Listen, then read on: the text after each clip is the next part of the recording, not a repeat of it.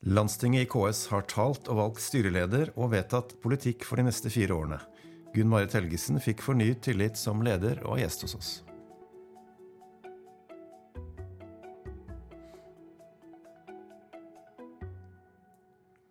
Dette er KS-podkasten Der livet leves. Jeg heter Jan Inge Krossli. Og jeg heter Ida Slettevold. Og det har vært landsting i KS. 254 delegater fra hele landet var samla i Trondheim for å vedta kommunesektorens politiske prioriteringer for denne valgperioden. Ja, det har vært noen litt intense dager med politiske diskusjoner fra morgen til kveld. Og landstinget vedtok i tillegg det, til det politiske dokumentet seks dagsaktuelle uttalelser. Og de finner du på ks.no. Mm -hmm. Og om litt så skal vi snakke med gjenvalgt styreleder Gunn Marit Helgesen. Og i vår serie med nyvalgte ordførere er selvfølgelig Kent Ranum gjest. Ny ordfører i Trondheim, vertsbyen for landstinget. Men først, la oss høre på noen av delegatene som var på plass i Trondheim. Da befinner jeg meg i Trondheim, og det er KS landsting 2024. Og jeg står her sammen med en av landstingsdelegatene. Kan ikke du presentere deg selv? Jo, det kan jeg. Jeg heter Adriana Ruiz. Jeg kommer fra Kristiansand kommune, bystyrerepresentant i Kristiansand. Og så kommer jeg med Agder-delegasjonen.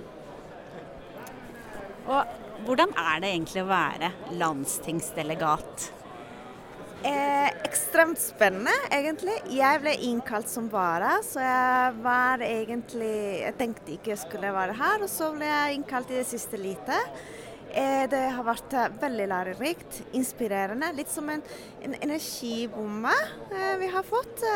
Gårsdagen var fantastisk bra med alle de gode innlegg og gode diskusjoner og samtaler. Veldig, veldig, veldig, veldig bra.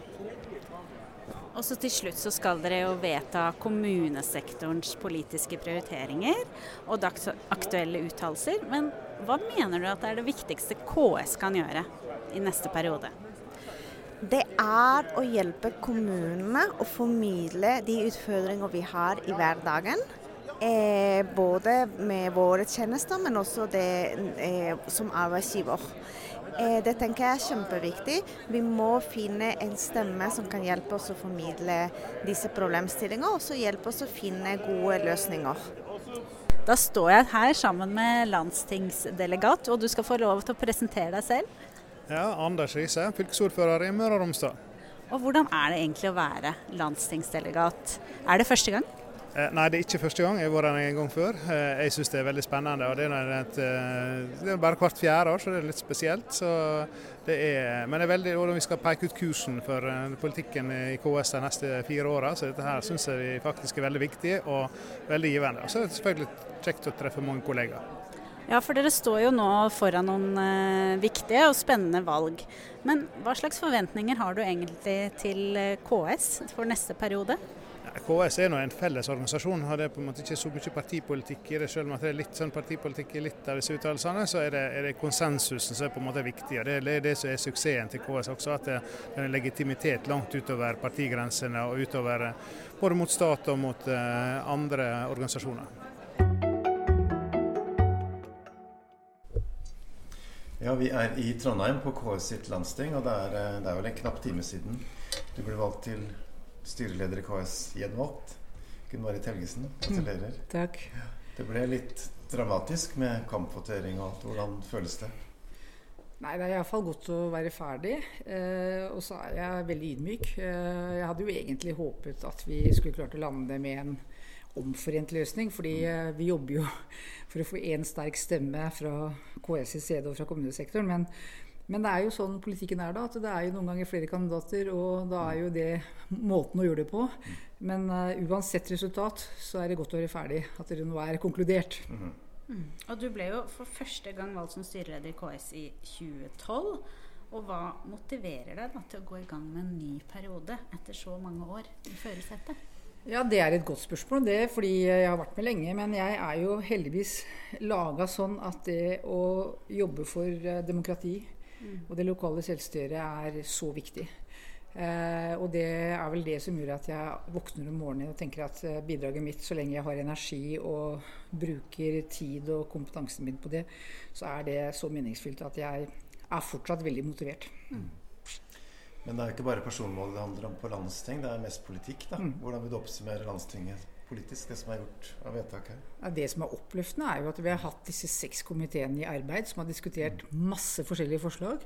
Og de har jo stort sett klart å lande med omforente, enstemmige uttalelser eh, og prioriteringer på vegne av sektoren. Det syns jeg egentlig det står full respekt av. Eh, og det gjør det lettere for oss når vi da skal begynne å meisle ut handlingsprogrammer og strategiske eh, planer. Hvordan vi skal prøve å få gjennomslag uansett farge på regjering. Så all honnør til alle delegatene som har jobba så iherdig, spilt inn forslag, diskutert og klart å bli enige. Det synes jeg det er, et, det er et godt kjennetegn på sektoren vår, tenker jeg. Mm. Og du vet vedtatt et dokument som heter 'Kommunesektorens politiske prioriteringer 2024-2027'. Hvordan vil du beskrive det dokumentet, den politikken som ligger i det? Ja, den, eh, den beskriver iallfall de store samfunnsutfordringene vi som sektor står overfor. Om det er bærekraftig velferd med hvordan vi skal eh, bemanne opp de velferdstjenestene som innbyggerne har krav på, og som de skal ha. Eh, det med grønn fremtid. Hvordan skal vi bidra til en omstilling som blir grønnere og mer bærekraftig i forhold til klima, miljø og natur. Eh, det med inkluderende arbeidsliv, hvordan vi kan eh, få utenforskapet ned, få flere inn i skolearbeid. Altså Alle disse temaene er jo helt avgjørende viktige for innbyggerne våre. Og ikke minst i en situasjon hvor det er både krig i Europa og i Midtøsten, hvor usikkerheten råder. Det som går på beredskap. Er vi beredt? Hva, eh, og veldig mye av også de beredskapsspørsmålene havner jo på kommunenes bord når, når ting svikter. Om det er etter en naturkatastrofe med en vannledning som går, eller et ras eller en bru som raser, eller om det er andre typer ting, så er for ikke å snakke om eh, digitalisering og fake news og, og og, og si hyberkrigføring. Eller hva de heter. Jeg kan også kjenne jeg et dumt hue.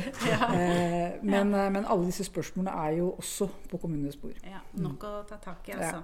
Men mange kjenner deg jo som KS ansikt utad.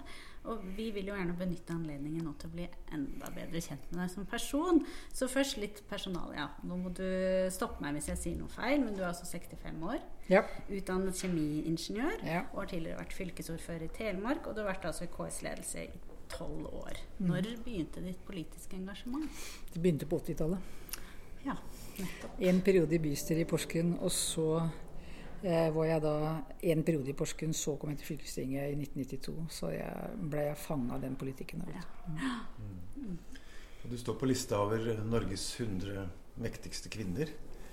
Føler du at du har eh, skal vi si, brøyta vei for andre kvinner? Vært en foregangskvinne for at andre kvinner engasjerer seg i Ja, det håp, håper jeg virkelig. Og jeg, jeg har lyst til å ta fram et sitat fra nåværende fylkesordfører i Telemark, som også har vært førstenestleder i KS.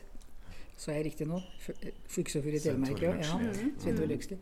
Han, eh, når han gratulerte meg på 60 da- 60-årsdagen på en fylkestingssamling, så kalte han meg Mor Telemark. Ja.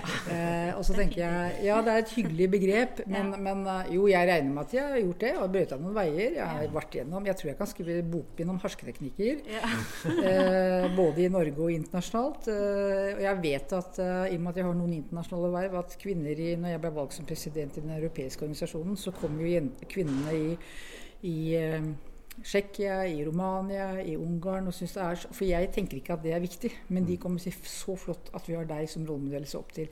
Så jeg håper jo da at noen iallfall kan ha nytte av at noen går foran. Ja, og så vet vi at du jobber veldig mye. Men noen ganger må du jo ha fri. Ja. Og da er vi litt sånn nysgjerrige på hva, Hva gjør er jeg ditt, da? Ja, hva gjør du da? Og hva er ditt favorittreisemål? Ja. Hvor samler du aller helst Nei, jeg elsker Italia. Jeg har et sted i Italia som jeg aldri får brukt. Men jeg, jeg ser på tennis. Jeg elsker tennis. Eh, og jeg har en sønn som har spilt tennis. Og jeg er veldig Hvis jeg skal slappe av, så ser jeg på tennis hvis mulig. Eh, jeg reiser gjerne på en tenniskamp også. Jeg var forresten på Fornebu i helga og så på Kasper og co. Ja, ja. Men det var jo litt annen type turnering. Eh, og så er jeg veldig glad i å lese, se gode filmer. Eh, så jeg har nok av ting å gjøre hvis jeg ikke jobber. Hvis du er på ferie og leser, da, hvilken bok kan Du det vet hva, jeg, jeg satt, eh, jeg, jeg, tror det er en fantastisk bok som heter 'Mesteren og Margarita'. Jeg bare trekker den frem fordi jeg, jeg, jeg, lik, jeg er veldig glad i skjønnlitterære bøker. Eh, så da leser jeg alt det ikke jeg rekker ellers i året. Eh, og så syns jeg Jo Nesbø er helt rå eh, krimforfatter. Og det er veldig mange av de. Eh, så det er egentlig 'Elskeren' også var en sånn bok som på en måte satte seg i pannebrasken, eh, og som du gjerne kan lese flere ganger. Og så noen ganger litt lettere, sånn litt historisk, men, men ikke sånn ren historiebøker. Sånn men historiske histori romaner. Ja, historiske romaner syns jeg kan være veldig ålreit. Og så i din travle jobbhverdag, da, så har du mye å spise sikkert på hotell og mm. møtemat. Men eh, hvis man kommer på besøk hjem til deg da, i Porsgrunn, mm. ja, hva serverer du da? Det er, det er, veldig lett å servere litt sånn tapas, fordi jeg syns det er greit å ha noen sånne småretter som jeg kan plukke. Men eh, jeg er glad i å lage mat. Eh, jeg har alltid laga veldig mye hjemmelaga mat til sønnen min når han vokste opp. Eh, jeg kan gjerne lage en nydelig hjortefilet mm -hmm. med soppsaus og, og gode poteter og masse deilige grønnsaker. Men det kan også være enkelt. Jeg er egentlig ikke kresen, men det må være gode ingredienser, slik at maten er velsmakende god. Men jeg kan egentlig lage alt mulig. Jeg er veldig glad i supper. Lager en sånn skikkelig herlig kyllingsuppe med litt sånn skikkelig sterk. Så egentlig så spenner jeg vel over hele registeret. Da blir. Ja, på besøk. Ja, jeg gjør det. Dere er hjertelig velkommen.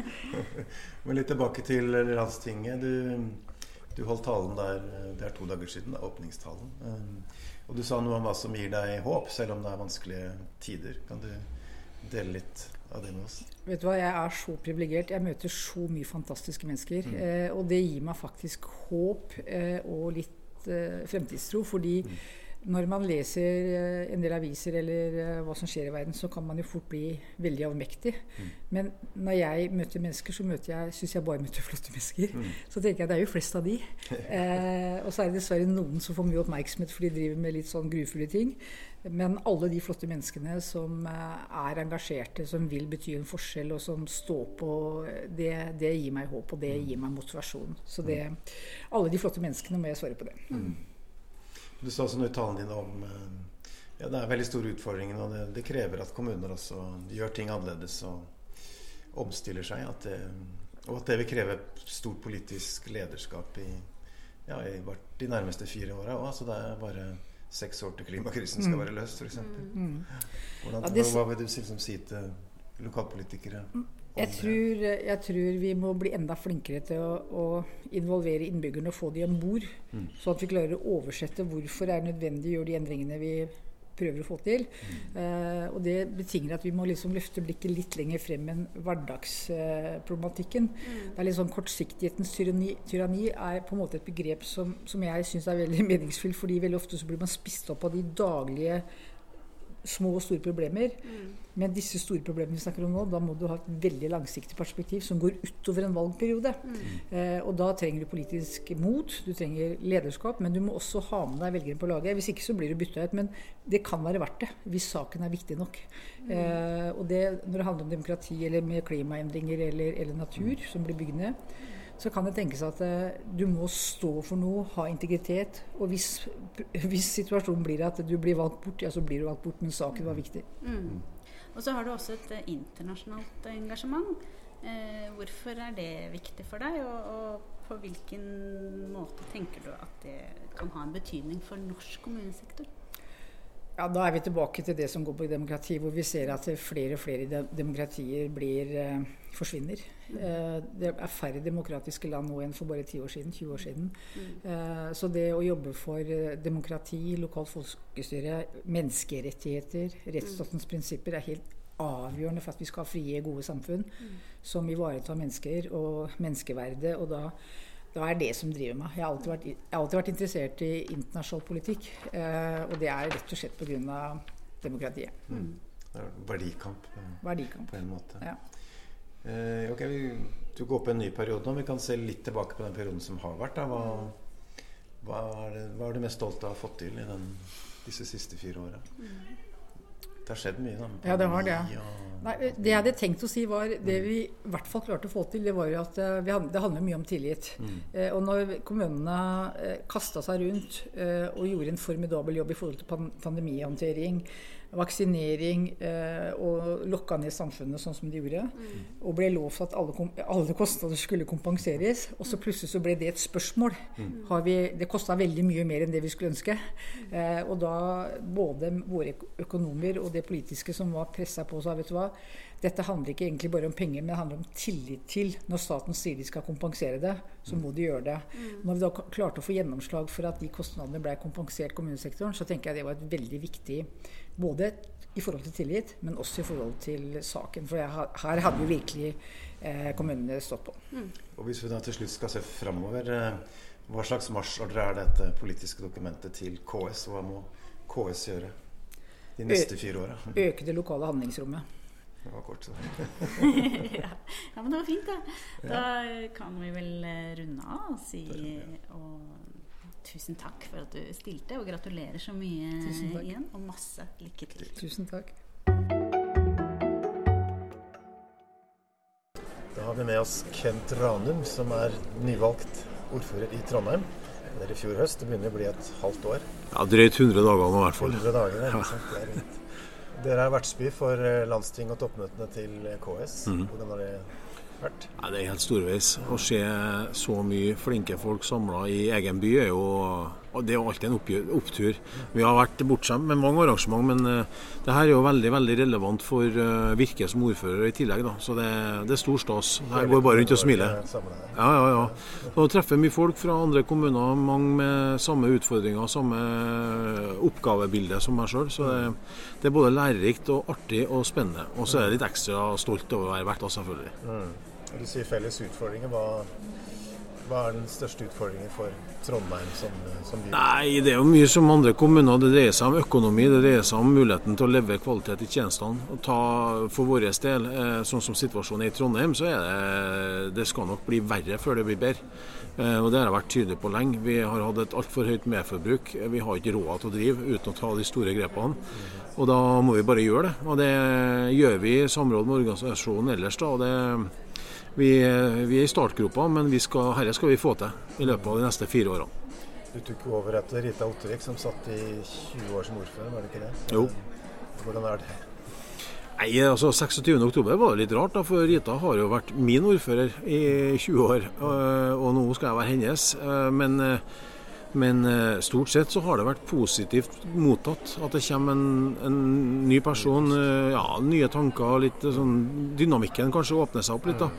Eh, og Det er eh, helt uavhengig av Rita, men når du har hatt samme ledelse i en så stor organisasjon så lenge, så blir det et behov for å få inn noe nytt, tror jeg. Så eh, Ydmyk, stolt, men samtidig veldig bevisst på ansvaret som ligger der. da. Hva er det viktigste dere skal gjøre i denne fireårsperioden? Vi skal få gjenskapt politisk styring og et økonomisk handlingsrom. Det er det to viktigste. Og Det betyr at vi er nødt til å få kommunen til å gå i balanse økonomisk, og samtidig ivareta innbyggerne og levere gode tjenester. Så det blir fokus på dem som faktisk yter tjenestene, og mindre på alle, alt det andre vi holder på med. Altså, Vi skal bli best på det vi skal gjøre, og så skal vi kutte ut og holde på med det vi ikke trenger å gjøre. Du sier omstilling av vi innfører jo parlamentarisme nå i juni, for første gang i historien i Trondheim. Eh, det gir jo noen utfordringer, men det gir langt flere muligheter til å gjøre omorganiseringer, til å tenke annerledes, til å legge kabalen på nytt, egentlig. Med alle de tusen, tusenvis av ansatte som går på jobb hver dag, så kan vi finne måter å gjøre ting på som sørger for at vi er nok hender og bruker nok teknologi til å levere kvaliteten i tjenestene. Og mer politisk styring har vært området? Ja, det blir jo det, da. Med, med byrådene istedenfor dagens formannskap og administrasjon. Da sier vi takk til deg, og lykke til. Takk, takk. Ja, da var landstinget i Trondheim over. Fire år til neste gang. Vi takker for følget, og neste uke er temaet lærerrekruttering.